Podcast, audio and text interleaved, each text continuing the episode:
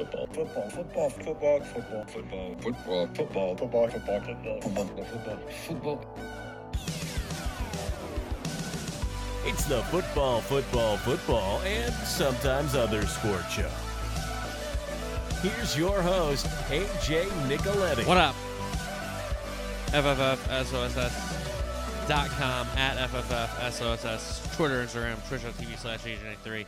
I thought about maybe doing a Liverpool City stream on Sunday, but I want to watch it with my friends. So, don't know when the next Twitch stream will be. Um, maybe maybe Sunday for the Masters watch party. To see, like, now we're thinking, you know, maybe turn it on when the leader tees off at 18 or makes the bat, you know?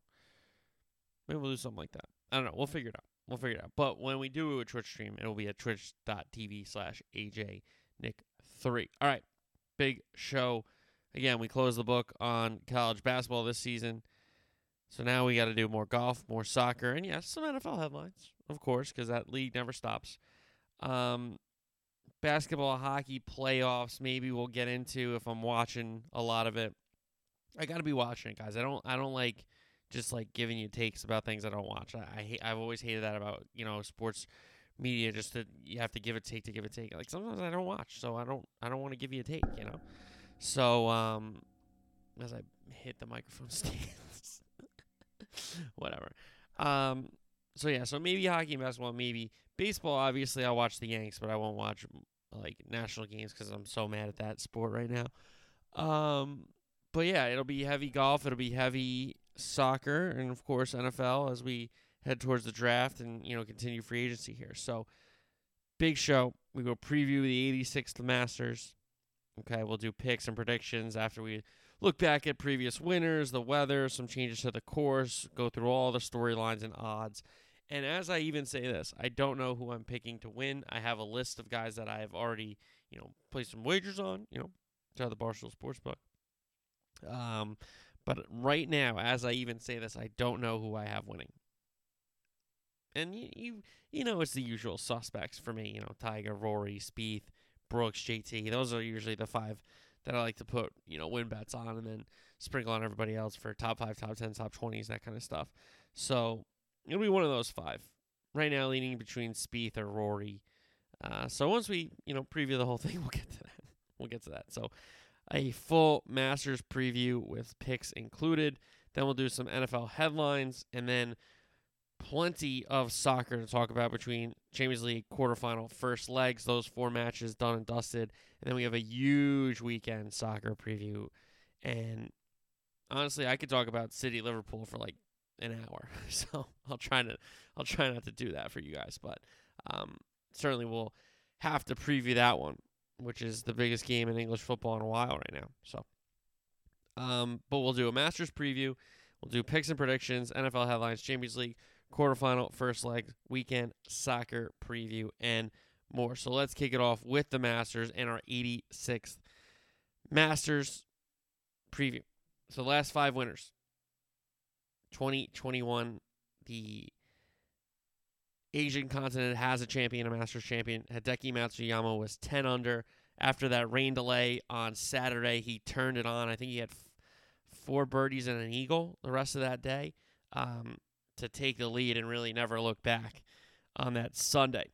Dustin Johnson won the Fall Masters, his second major championship. He was 20 under. He went crazy. Um, 20 under was sick. 2019, how can we forget Tiger Woods? 13 under took the lead at 12, didn't look back after Finau and Molinari and all those guys put balls in the water there. 2018, Patrick Reed unfortunately won, and 2017, unfortunately, Sergio Garcia won. Uh, Reed with a score minus 15, Garcia with a score of 9 under par.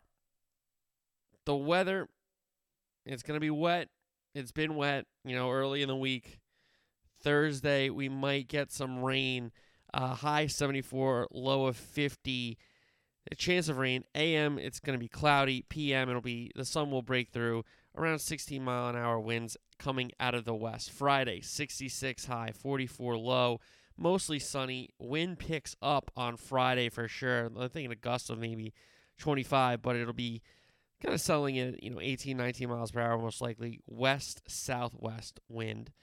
Uh, Saturday, 60 high, 41 low, partly cloudy, 15 mile an hour wind out of the west. And then Sunday, 68 degrees high, 45 degrees low, sunny, 9 mile an hour wind. So a calmer wind on Sunday for sure.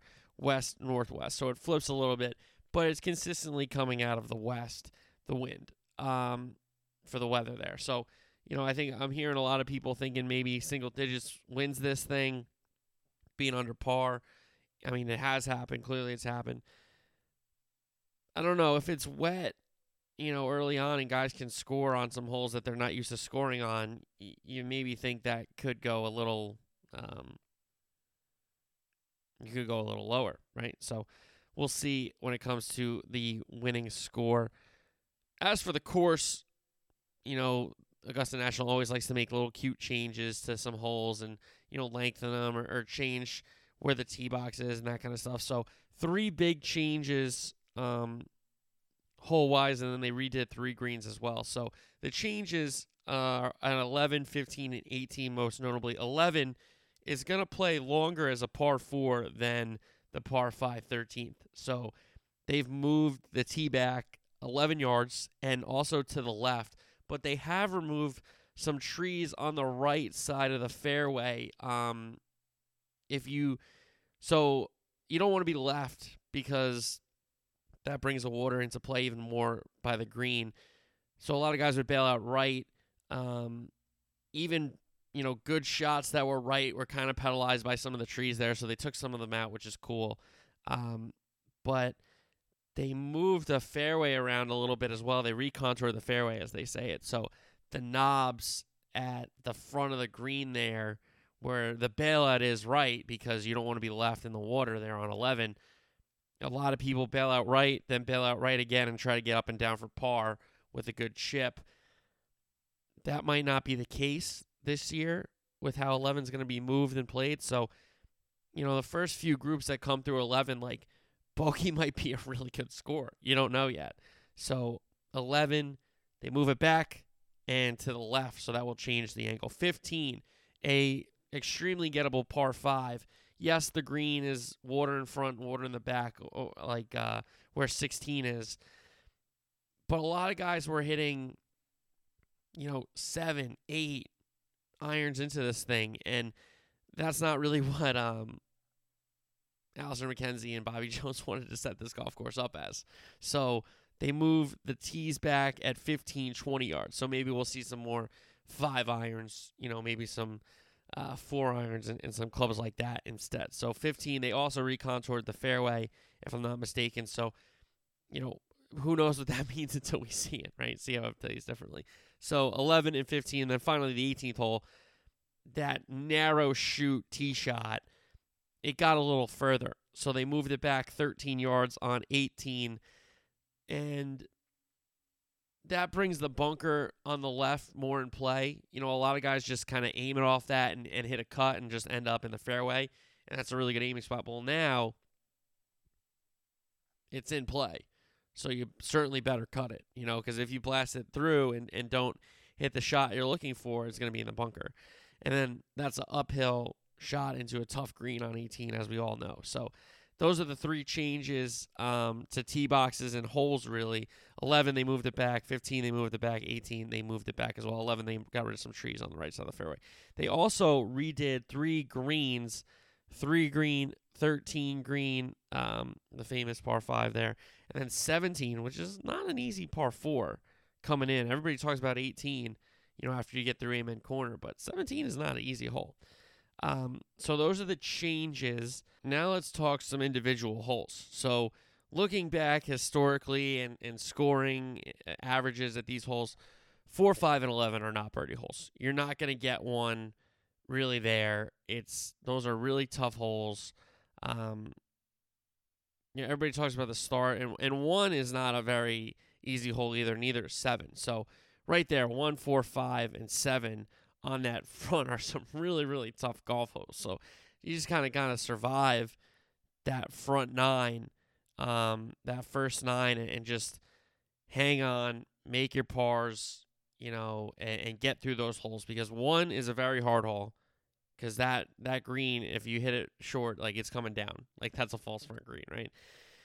Four and five difficult holes, seven difficult holes, and then obviously eleven. We'll talk about when we talk about uh, Amen Corner more, but those are not really birdie holes. If you get a birdie there, you stole one. You know, be grateful. But those holes are about making par, getting out of there, and, and you know, going to see another tee shot. You know, kind of a thing. But the par fives, 2, 8, 13, 15, you have to score on the par fives. You know, yes, Eagles are great, but if you continually birdie those holes, you're going to have a shout in this thing. You're going to have a chance. You're going to be in a pairing on, on Sunday, maybe the, the last or second last, third last, whatever. If you score well at the par fives, that gives you a chance to make a bogey here and there, right? Because if you just par the par fives, those are the holes you got to score on right? Yes, eagle is a great score.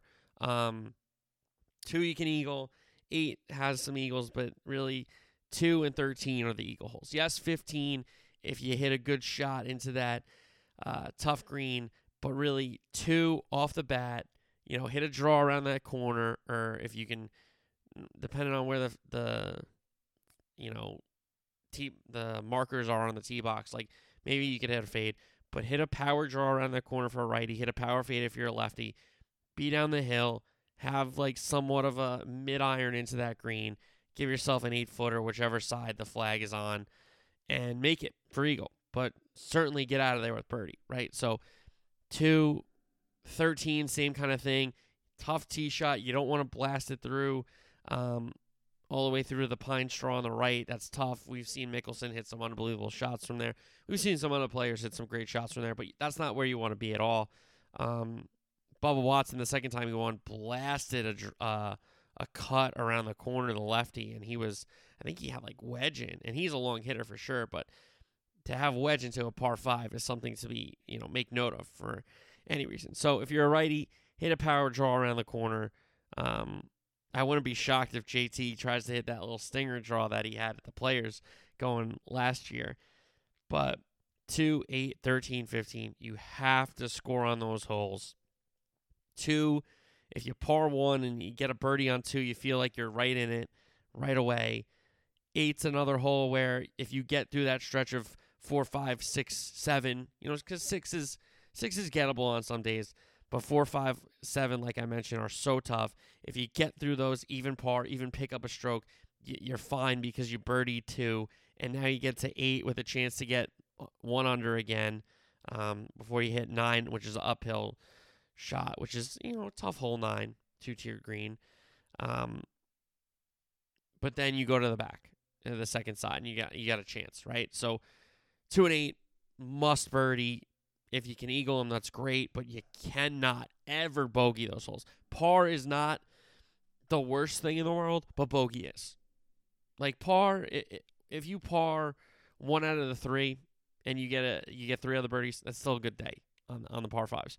But if you go like three pars and a birdie, the field caught you and passed you by because everybody else is making good scores on those holes. And again, on the back, you know, 10's not an easy hole. We talk about 11 being a very difficult hole. 12, you can end up in the water, you can end up in the bunker, or you could be pin high with like a six footer, you know, on a on a quick green. But it's it's not like flat, but there's not a ton of knobs in that green on 12, to my recollection at least. Um, 12 is really, you know, once you're on the green, you know, make your two putt or make your putt and get out of there, you know. Um, and 13. So you get out of those holes.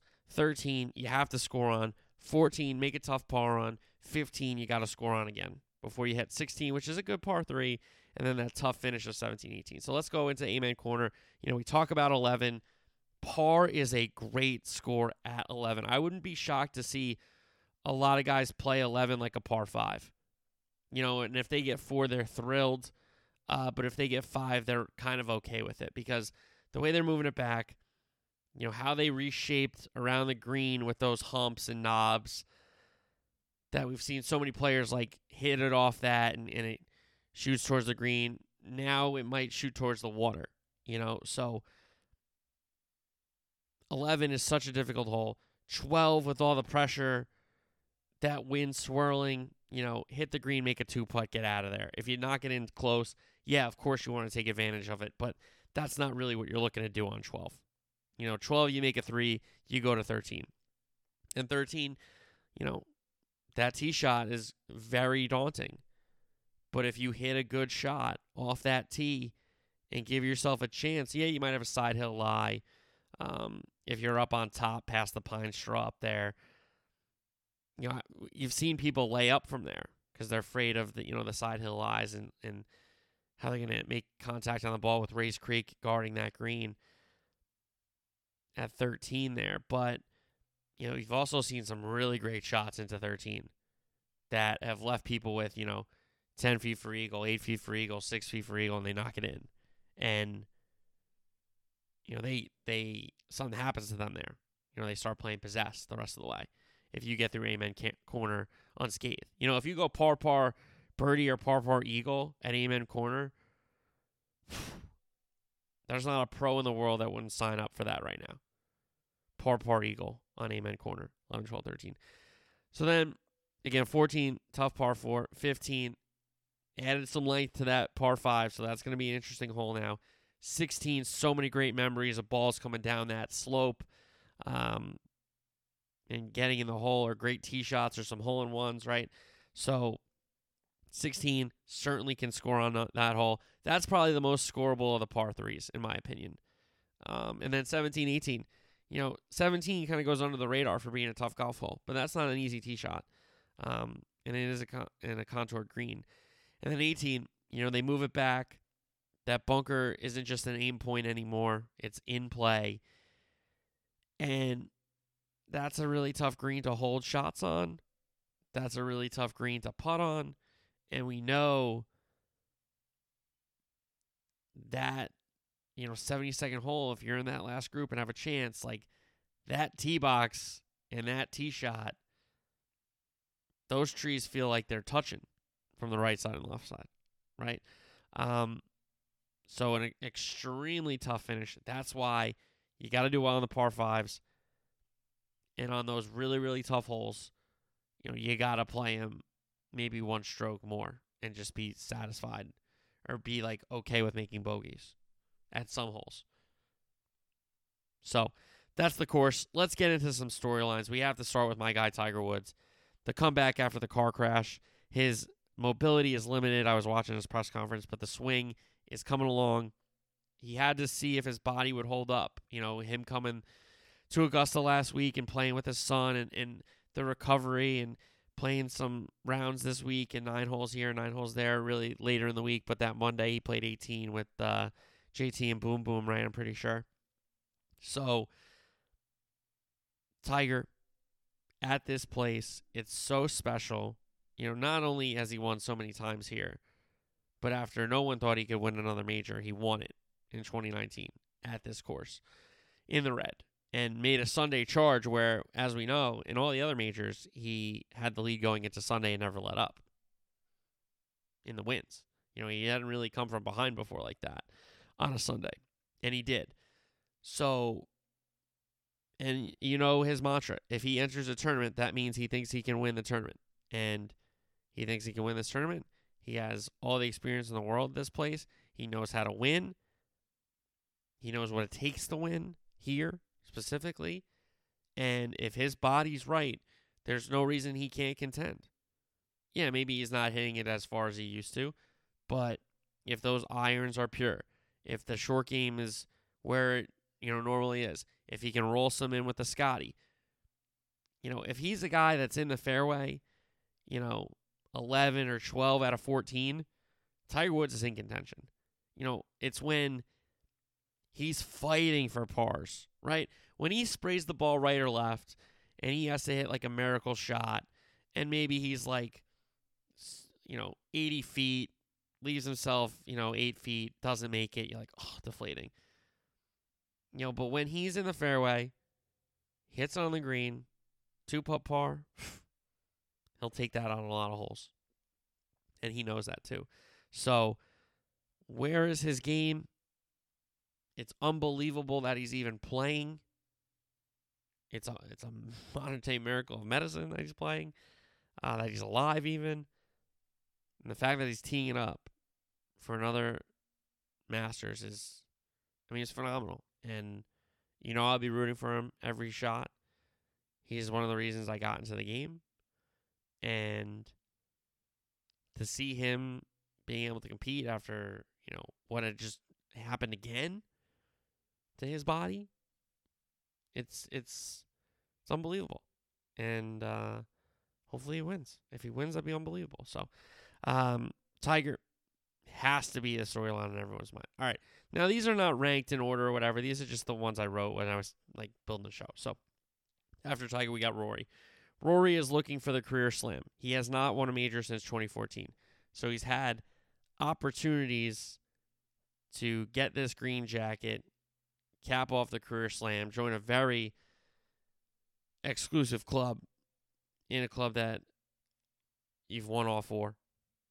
Now, I was watching his press conference, and it doesn't. This place doesn't really suit him. What, what do I? What does he mean by that? What do I mean by that?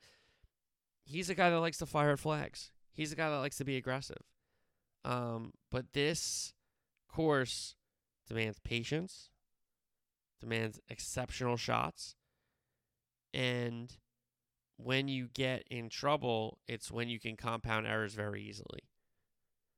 So, Rory, this course goes against his style. And can he, for four days, you know, that that combat those those theories, those those ideas that he's grown up playing the game with, and plays the game with almost at every other course as a professional, except this course. Can he stick to the game plan that he doesn't want to normally play? So Rory, for the career slam, perspective Rory, um, you know, having a kid changes you. I'm sure. I can't speak to that, obviously. um, but I'm sure that's what anyone would say. Um, you saw, like, I have mentioned it like a million times about his interview after the Ryder Cup, and you know, to see sad Rory made me sad, and I hope he wins something. And you know, if he won this green jacket, that'd be pretty sweet. So, uh, Rory looking for the career slam. Jordan Spieth, maybe my number two guy after Tiger. He's got a great record at Augusta, but no second jacket, and he hasn't won a major since 2017. Now, the no second jacket thing is almost crazy when you think about it because you know he should already have at least two because he should have went back to back. He wasn't catching Bubba that first year. The next year he won it. The year after, collapses on the second nine. Danny Willett rips it from him, who's a red, who I didn't know that at the time, but obviously I'm a big Danny Willett guy now, and I know he's a Liverpudlian hmm. and a Scouser.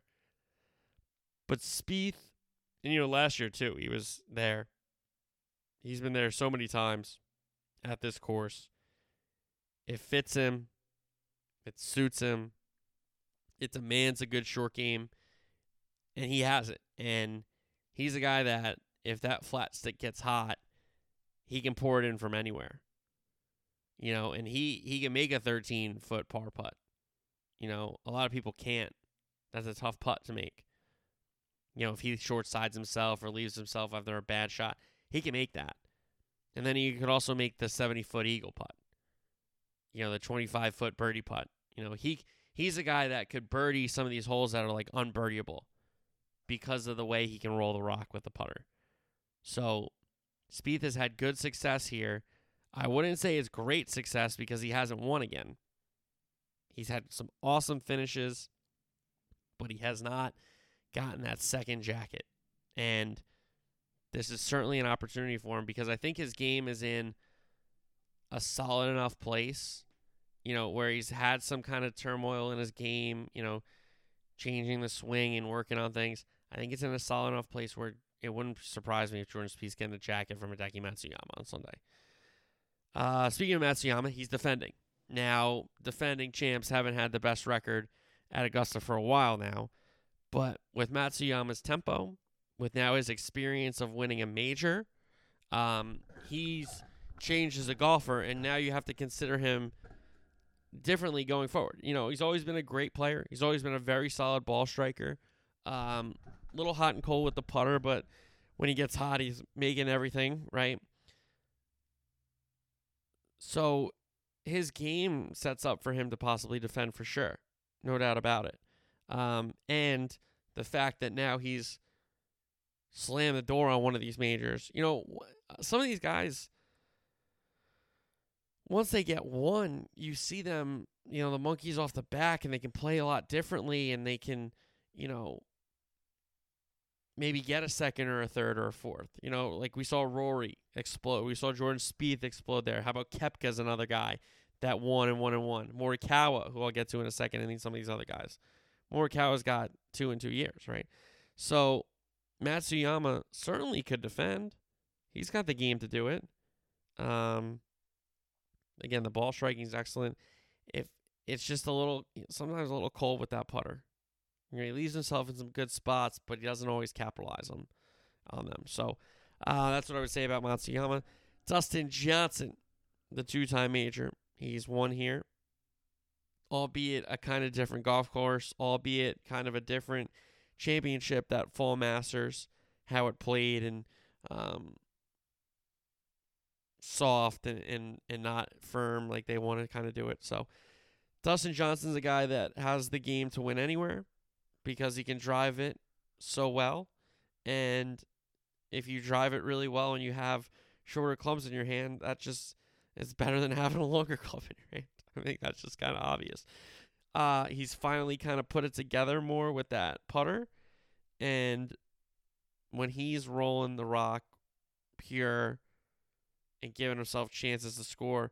He's a guy that that can't help himself but go low. You know, like if he's striking the ball well off the tee, if he's giving himself, you know, 12 footer, 10 footer, 8 footer for birdie over, he's going to make some at some point.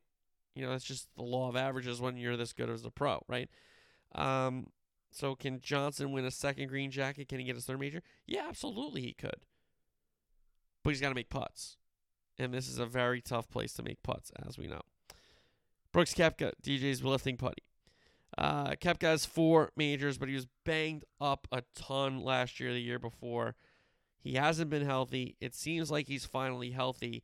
And when Brooks Koepka is healthy, he plays really good golf. And when he's in majors, he plays really good golf. So Brooksy could be getting a green jacket Sunday for sure. A great driver of the ball, as we know. A guy that – is a pretty good ball striker, a pretty good iron player. Could could improve in some spots for sure. Uh, but he's a guy that you know when the putter gets hot and he gives himself chances, he's he can roll that rock and get those. Uh, he plays a Pro V1 still, right? I'm pretty sure he plays Pro V1 still. Um, he can roll that Titleist into the cup. So Koepka, he's won. He's won, you know, the Open, the U.S. Open, which is maybe the toughest tournament to win relative to like the four because of the conditions. You know, with the long rough, here's there's just one cut of rough, which is great. I love that about Augusta. I wish more places adapted that kind of idea.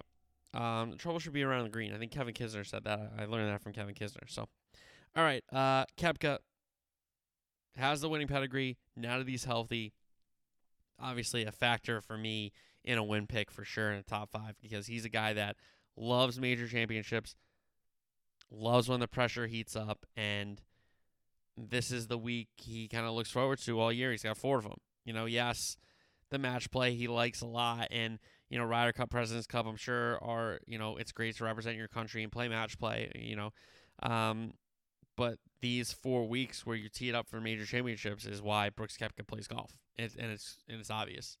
It's certainly obvious. Bryson, the nerd, Koepka rival, Bryson has that U.S. Open at Winged Foot, but he has not been playing. He's been banged up. Um, he did shoot that video with Dude Perfect, which I didn't watch a second of. I just you know tweeted about it twice to say that this is this is very bad. this, is, this is very bad. I don't like this. I'm triggered. Um, but Bryson has not been playing, let alone playing well. I think he is a certain shot to miss the cut, which I always play anyway, but this might be my best shot at him missing a, a cut in a major championship, which I always play that bet. Um, but he does know how to win. And, you know, yes, this course, what did he say? I play it as a par 67, I'm pretty sure he said.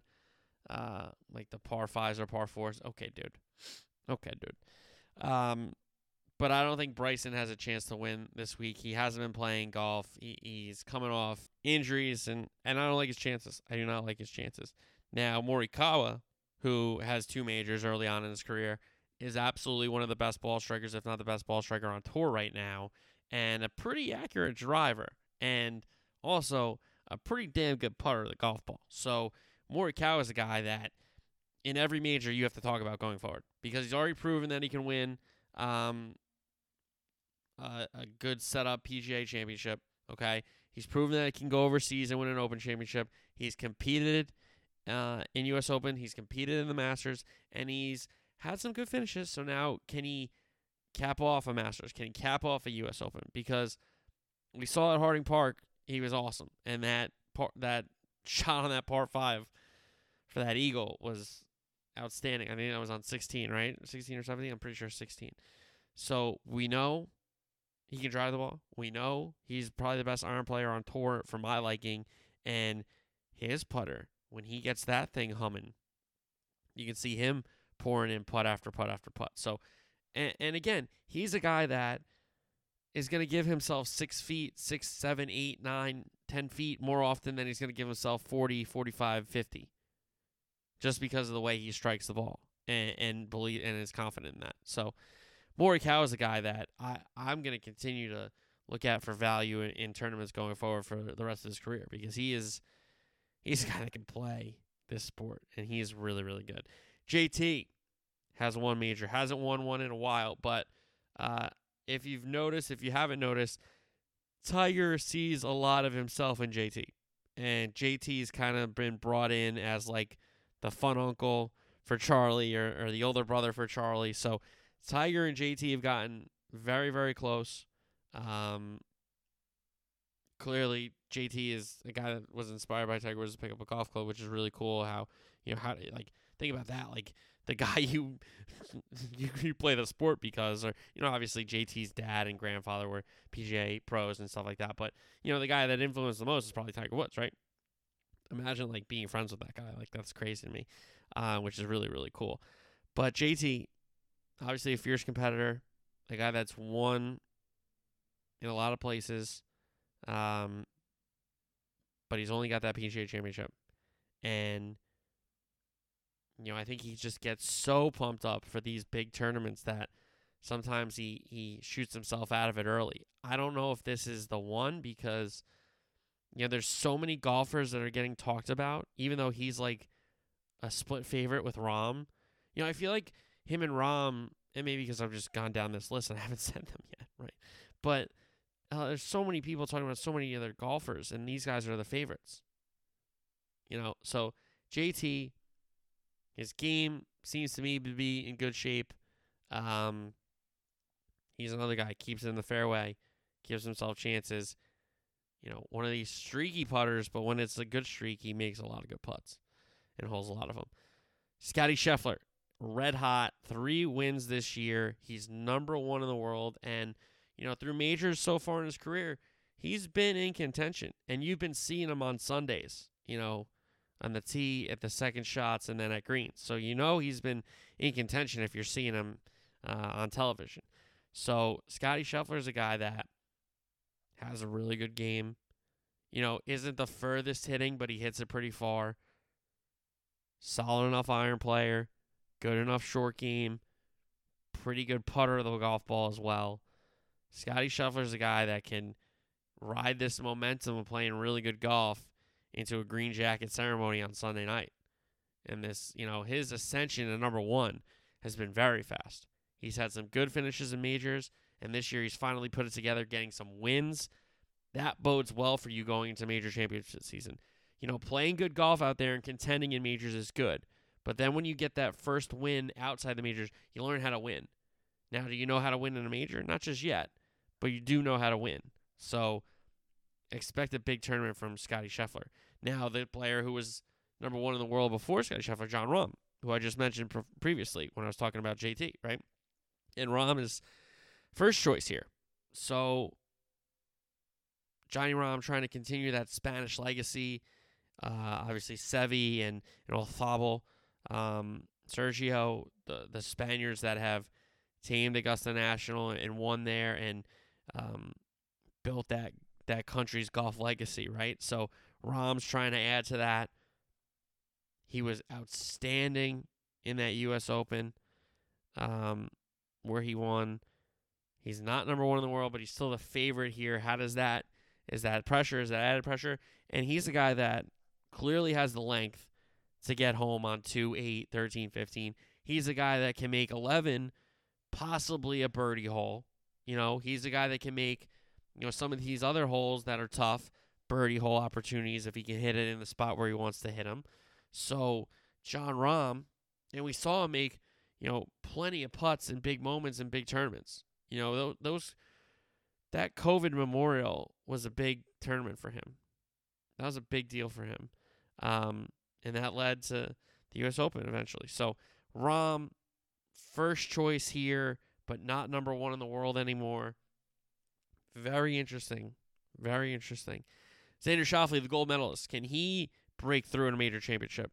A guy that played outstanding golf in the Ryder Cup in big moments, a guy that uh, has the game, pretty good putter of the ball. Now, is he the longest off the tee? No, not necessarily, but he's a pretty good ball striker himself to, you know, leave himself opportunities. And he did have opportunities last year.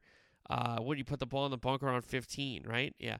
And then 16, he hit the ball in the water. So um, he had opportunities there with a few holes left to get closer to Matsuyama, make him at least think about it, where Matsuyama was able to come in and and uh, finish strong himself. So the gold medalist, Xander Schauffele, heck of a golfer, absolutely has an opportunity to win a green jacket. Can he, you know, put away the bad memories of last year and just take what he learned about himself?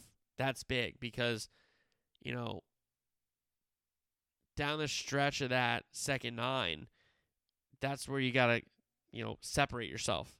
He put himself back into the field, kind of a thing. Um, so that's Schauffele. How about let's talk about some Englishmen, some Brits, some Irishmen. We already talked about Rory, right? But Justin Rose in these majors, guys, always kind of finds himself around. A, a pretty good putter, an, a very accurate driver of the golf ball, a pretty good iron player in his own right. Jay Rose is a great player. Um, won in, in uh, outside Philly and Merion that U.S. Open with the no flag sticks, right? He is always kind of a factor in major championship golf. And I wouldn't be shocked if Rosie finds himself into Butler Cabin on a Sunday. Now, Tommy Fleetwood's a guy that has a great game. Can he break through on a, in a major Sunday? Matthew Fitzpatrick, I'm waiting for Matthew Fitzpatrick to win a major. I think this year or next is time for Fitzpatrick to break through. He's he's you know he finds himself in these good positions and he's like ah oh, somebody they either pull away or you know he, just doesn't do enough. Tyrrell Hatton's a guy that can certainly contend, fiery, uh, can feed off the crowd if he's making putts and, and getting roars. But he's a guy that does certainly have a temperament and needs to reel it in sometimes. Uh, Paul Casey, similar to Rose, not the same game, but Paul Casey has seemed to be um, a factor in these major championships recently. Shane Lowry, uh, before Colin, was the champion golfer of the year, and you know this isn't this course doesn't really fit him, fit his style. But once you win a major, guys, like you're in, you're in contention anywhere because you feel like you can win anywhere because that those tur- these tournaments mean so much. Um, Cam Smith, a guy that a lot of people are talking about. The Aussie has had some good finishes in majors, won some tournaments this year already, has shown his ability to play big golf and make big shots in big moments. And Cam Smith, um, trying to follow up what Adam Scott did uh, for the land down under at Augusta National, certainly has the game, certainly has the ability to win at Augusta. Now, some other guys that are looking to break through. How about a Patrick Cantlay, who has been in contention in this tournament? Tony Finau has been in contention in this tournament. Billy Horschel, you know, a FedEx Cup champion. but a guy that has kind of underwhelmed in the majors. Can he break through? The young guns. Everybody's talking about Viktor Hovland. Viktor Hovland and this, you know, Augusta National kind of feel like a natural combo. He fits, he sees it, he understands the reverence, he he gets it, you know, he kind of gets it, and he's a really good player. Now, Matty Wolff, a guy that I am a big fan of because we're kind of besties since, you know, Northern Trust a couple years ago. I said, What up? Nice out. he said, Thanks, man. You know, my guy. He's a guy whose game is kind of lost a little bit. You know, it's not the best to go to these majors when your game isn't where you want it to be, but can you do something about it possibly? Zalatoris, an excellent finish last year.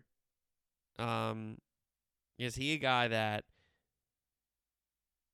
builds off that and finds himself um, back in contention on Sunday? Sam Burns, a lot of guys are talking about.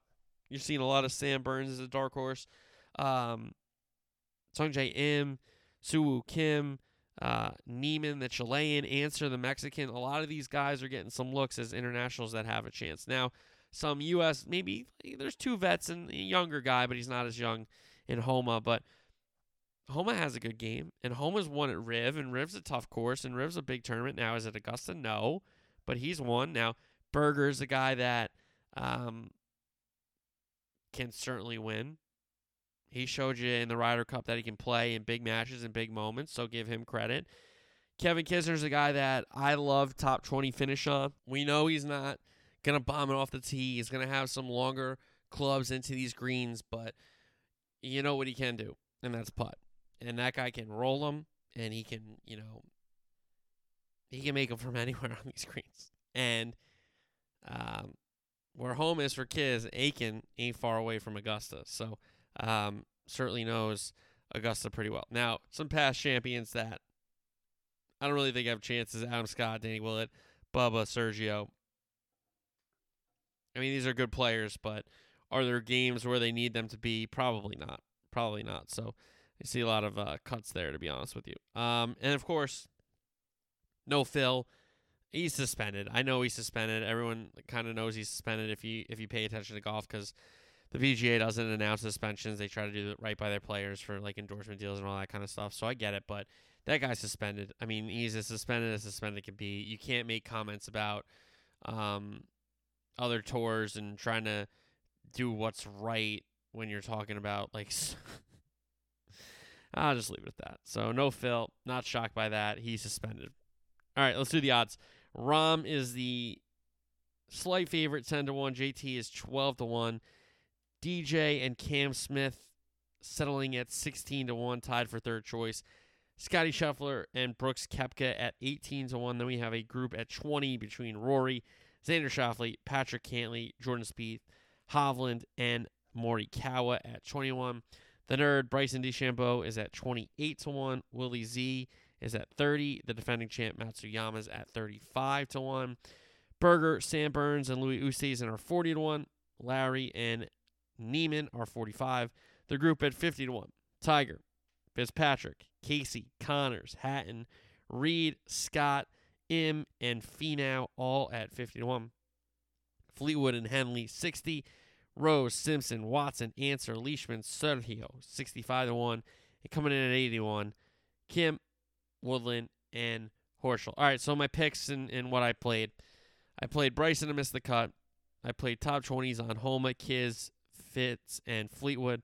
I played top 10s on Scheffler, Schauffele, Morikawa. And then I placed win and top five bets before Tiger, Rory, Spieth, Koepka, and JT. So I got a lot of action, which isn't great, but college basketball's over, and I don't really want to only bet on you know footy all the time. So when you get a golf major, you got to go, and you got to try to hit a winner and hit some other bets, and then you cover, right? So um, the winner of this year's Masters is going to be Jordan Spieth. I think Jordan Spieth has come close enough. You know, I usually pick Rory for this because I want him to win the career Grand Slam, but I think Jordan Spieth has played really well here. He's been crushed in in some ways. Um, you know that Danny Willett green jacket that should have been his second and back to back. You know he's made some charges. He's had some hiccups on that second side, but I think he's all for the better for it.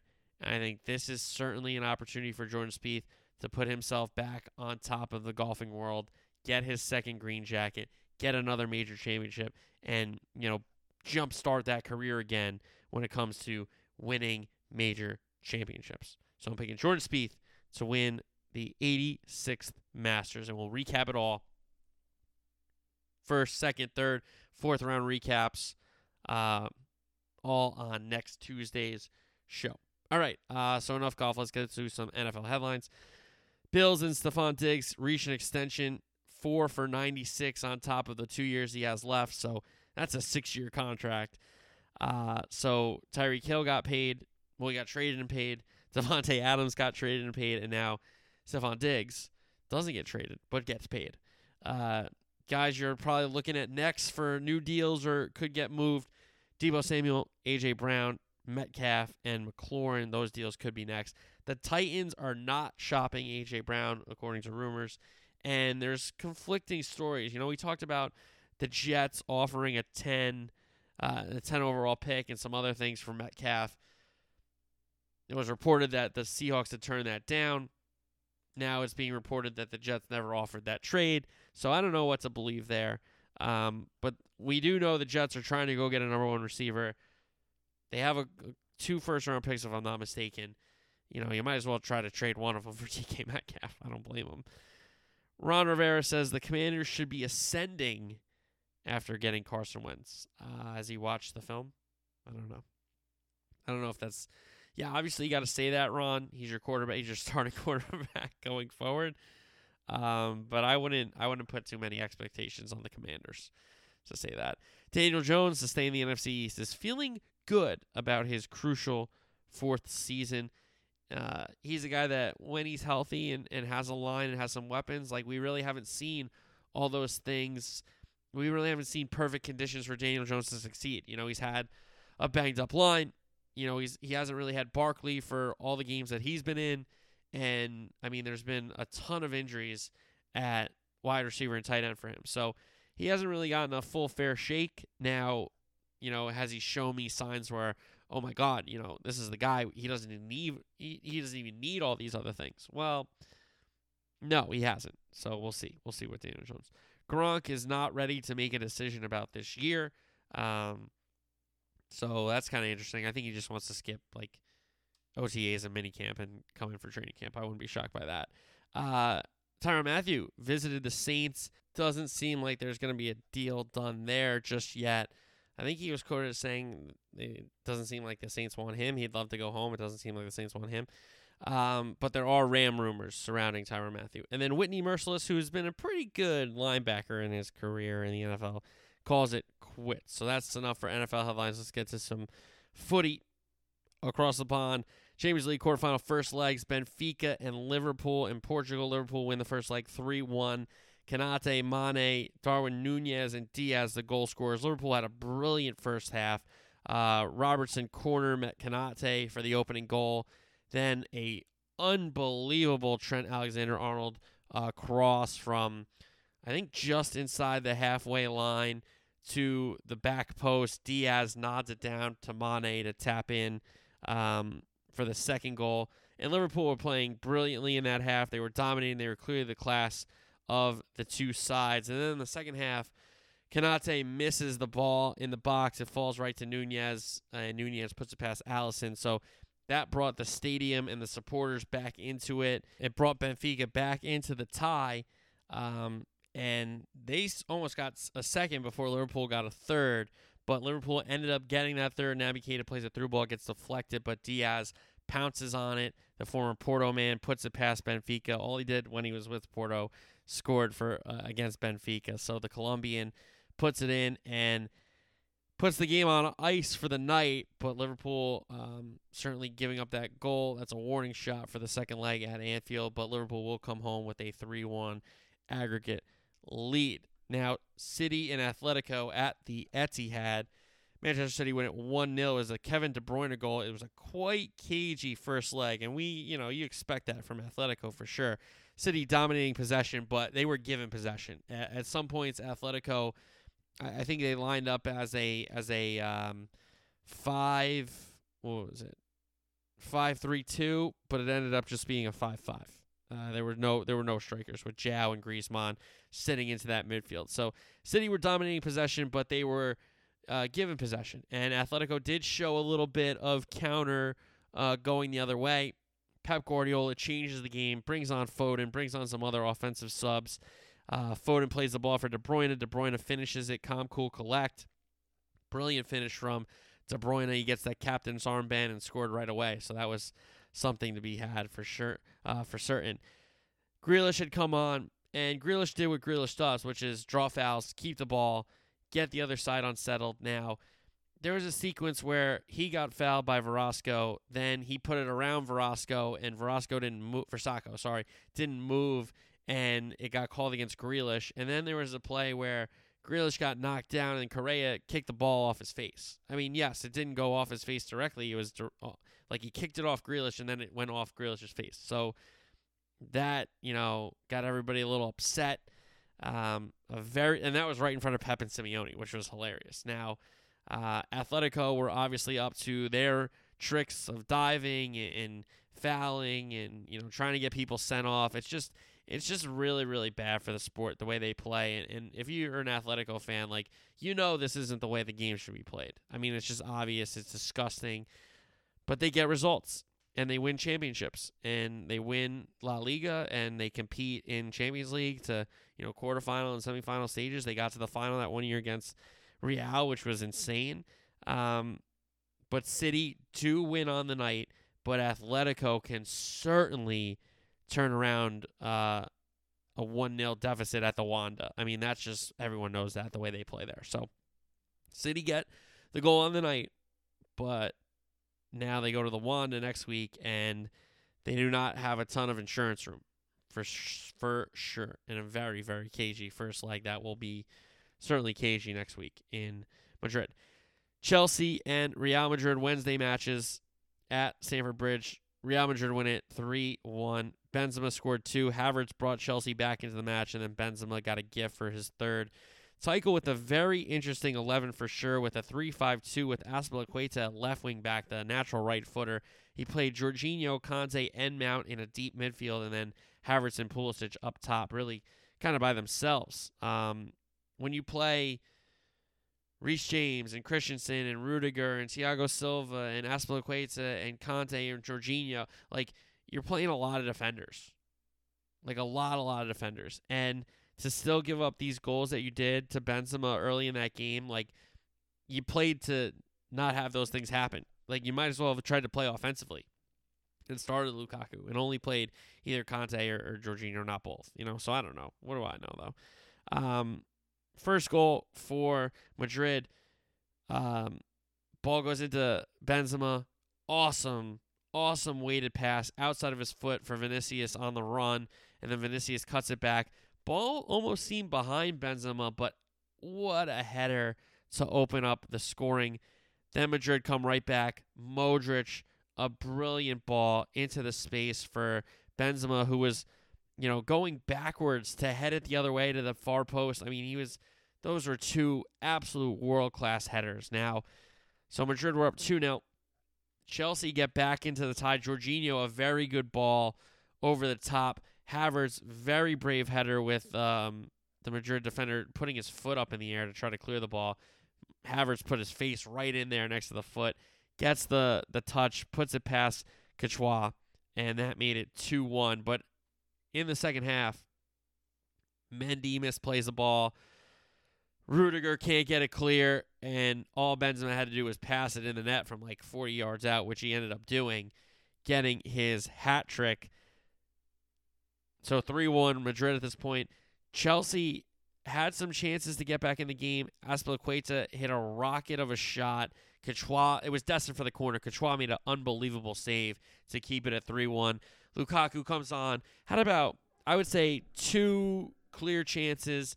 Um, one, a very poor header. Second one, a poor header, but the cross did get deflected. So it wasn't necessarily his fault. It was a deflected cross, but you still figure that he should have scored. Benzema had another chance to get his hat trick originally in the first half, but didn't. So he has three goals. Madrid come back to the Bernabeu next week with a 3 1 advantage, and Chelsea will have to play much better. Tuchel said it after the match. If they go to the Bernabeu and play like that, they'll get battered, which is 100% true. They did not play well. Um, they did fight to get back in the match, but they could not get that second goal to make it 3 2 that, you know, then you get your fans believing again. Because 2 1, the place was rocking. And the start of the second half, the bridge was certainly rocking. And you thought, okay, maybe Chelsea can get another goal. And then what if they end up winning this thing? No, they have a gift right to Benzema, punishes them, hat trick hero, um, and 3 1 now in that tie. And maybe the shocking result of the round so far Villarreal against Munich. Yes, it was in Villarreal. Yes, that Yellow Submarine atmosphere is buzzing, and Moreno is back up front for them. And so they did play a pretty good lineup and a, a lineup that wasn't just made to park the bus against Munich. Now, uh, the goal comes from Danjuma, which was deflected, and I'll, we'll mention in a second. But how Munich set up Davies back in form. They put him right away back at left back, and they go to this back four formation that they they've done before. But this this team in this competition has kind of been successful being very very offensive. You know, with the wingbacks being Gnabry and Coman, and then having Mueller and Sane up front with Lewandowski, and that's five attacking players. You play Kimmich, you play Goretzka in the midfield, and then uh, you have your three center backs. But Nagelsmann opted to go to the back four. It was less defense. It was less offensive for sure. He played Musiala, who is a good player, good player in his own right. Um, but I, I figured you would have got a Kimmich Goretzka midfield for sure. And Sane not playing was interesting for me, but he came in off the bench. So uh, Danjuma goal from the deflection eight minutes in. So Villarreal had a lead for a long time in this game. Second Villarreal goal was ruled out for offside in the first half, so they almost nearly doubled their lead, but they only kept it at 1 0. Mueller had a chance, couldn't get anything on it um, to direct it towards goal, and Villarreal hit the post in the second half. And the teams traded some minor chances, but nothing really, um, nothing really major. Like Munich, I mean, they should have scored. They should have scored, but they didn't, and now they come back to the Allianz down a goal. And if Villarreal can park the bus and not concede for 90 minutes, they go to the Champions League semifinal, which would be an outstanding uh, achievement for Unai Emery and Villarreal. Uh, midweek EPL, Burnley and Everton. Burnley win it 3 2 in a big six pointer at the relegation zone. Burnley at Turf Moor went up 1 0. Then two penalties for Everton, where Richarlison equalized and then gave Everton a 2 1 lead, only for Jay Rodriguez to equalize and Cornet to win it for Burnley. Uh, weekend soccer preview, EPL, Newcastle and Wolves. Good game here. Two interesting sides, two sides that are both believing they're on the right track back to improving. Uh, Wolves might have to sell some players because uh, this the fees will be. Um, you can't say no to some of these deals. So Wolves know that this might be the last time this group is kind of together and see if they can finish strong. Newcastle is building, building, building. Can they continue to build? Um, and they're coming off a bad result against Tottenham, so you figure they would play better. Uh, Everton, Man U. Good time for Man U to right the ship against Everton, who've stunk. They've stunk um, away from home. This is at Goodison Park, so can Man U get a result? They certainly can. Um, they're going to bring in the Ajax coach to be the manager, which is a big deal after Rangnick goes to the um, I guess the front office, as they say, uh, the boardroom, if you will. Um, listen, Man U stink. So do Everton, but United have the better roster and are in the better spot. They should find a way to get three points at Goodison. Arsenal, Brighton. Arsenal have to respond to the way they played on Monday against Crystal Palace. They did not play well. They got outworked, outclassed, outscored, outdefended, and it was bad. Now Brighton, you know, they really haven't scored that much. Uh, it hasn't been a season for Graham Potter to be like, yeah, we got strikers and score. No, they need a striker in the worst way. Um, yes, they've changed the kind of way they play, but they they need a, they need a striker in the worst way. Uh, and this is an opportunity for Arsenal to get back in the winning column, get three points. Southampton, Chelsea.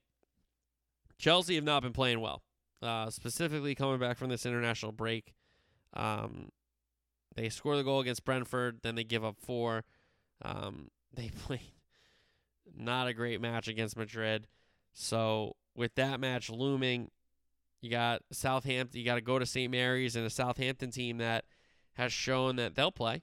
You know, they're not going to park the bus. So that's an interesting match. That's an interesting match. Chelsea have to find a way. You know, Tuchel's got to find a way to build an 11 to win that match and get some positive momentum going. Watford Leeds. Leeds with Jesse Marsch have been different. Um, he's got them believing. They've gotten some results. They played pretty well for him. And Watford are a team that's probably going to go down unless they find a way um, down this stretch run to, to keep winning some matches. Now, um, for me, if you said, okay, who you picking? I'd say Leeds, but Watford can certainly win the game at Vicarage Road. You know, Leeds hasn't been fantastic. They've been solid enough. Villa Tottenham. Tottenham with Conte have kind of figured it out. You know, Kulusevski and Kane and Son up front. Um, he's going to play Dier. He's going to play Davies. Um, he's going to play Romero as a back three. Who's ever the wing backs have, have the right to get forward, but they got to defend. And he's going to just trust Højbjerg in the middle of the park. So it's a very interesting team. Now, Villa, between Bailey, Coutinho, and Ings, and all these kind of guys he has up front, Gerrard at his at his um, Arsenal, they have to score, and it just can't be like, oh, you know, we played tough. No, they got to score. They got to find a way to put the the ball in the back of the net. I almost said puck in the net because I flipped to hockey on TV here. Um, but Villa have to find a way to get some more goals. Brentford, West Ham. Brentford have had some awesome, awesome, awesome results. They've had some big results against the London clubs this year. I wouldn't be shocked if they brought it again against West Ham. Um, West Ham have constantly used the same 11. They've not that they're worn down by any stretch of the imagination. They're still in the top four race, but uh, they're not where they were previously. Let's just say that. Leicester City, Crystal Palace. Interesting match here. Vieira has Crystal Palace playing pretty well. Rodgers has Leicester, you know, hit and miss. You know, it, has been unfortunate that Vardy's been banged up and, and Maddison just gets back into the team and Barnes is just getting back into the team and, you know, Iheanacho was out for some time. So they've had a lot of injuries to deal with. Um, and that's a this is a good match. Leicester City Crystal Palace, by the way. That's a good match.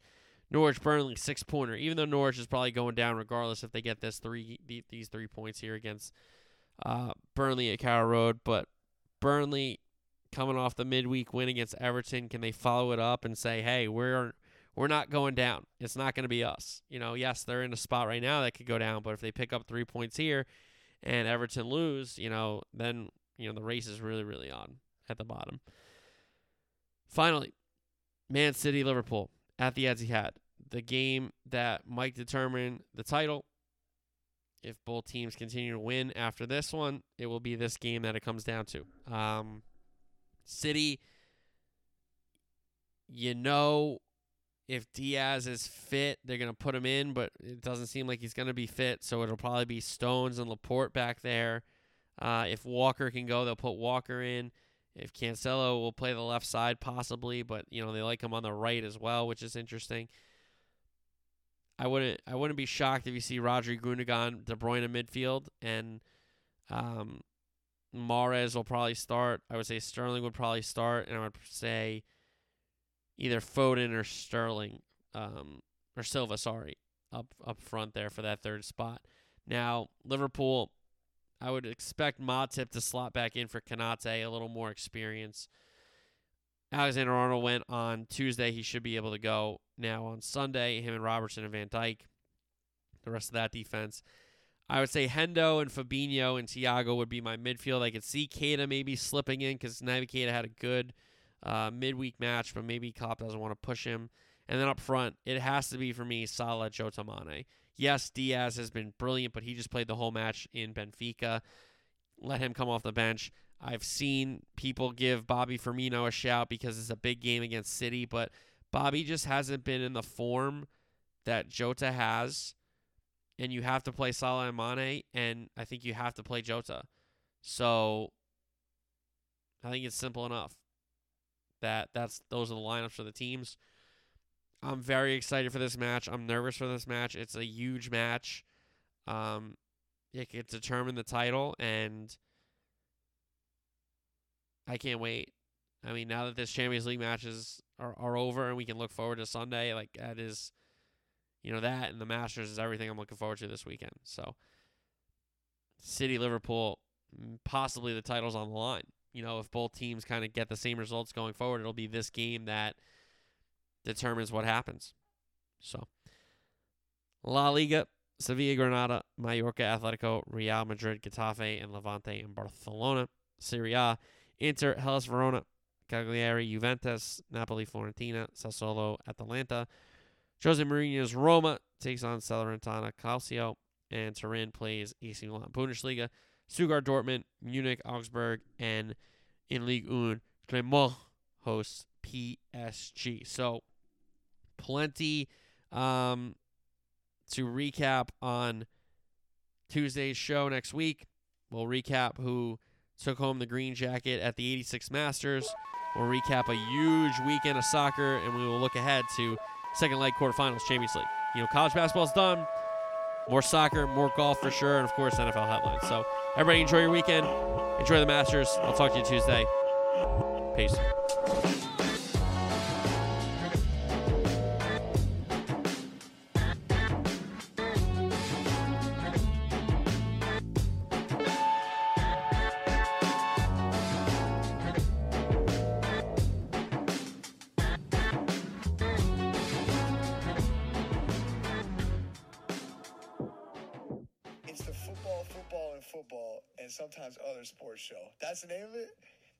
Check out his podcast. That sounds like my kind of podcast. Football, football, football, and sometimes other sports show. Sounds like me.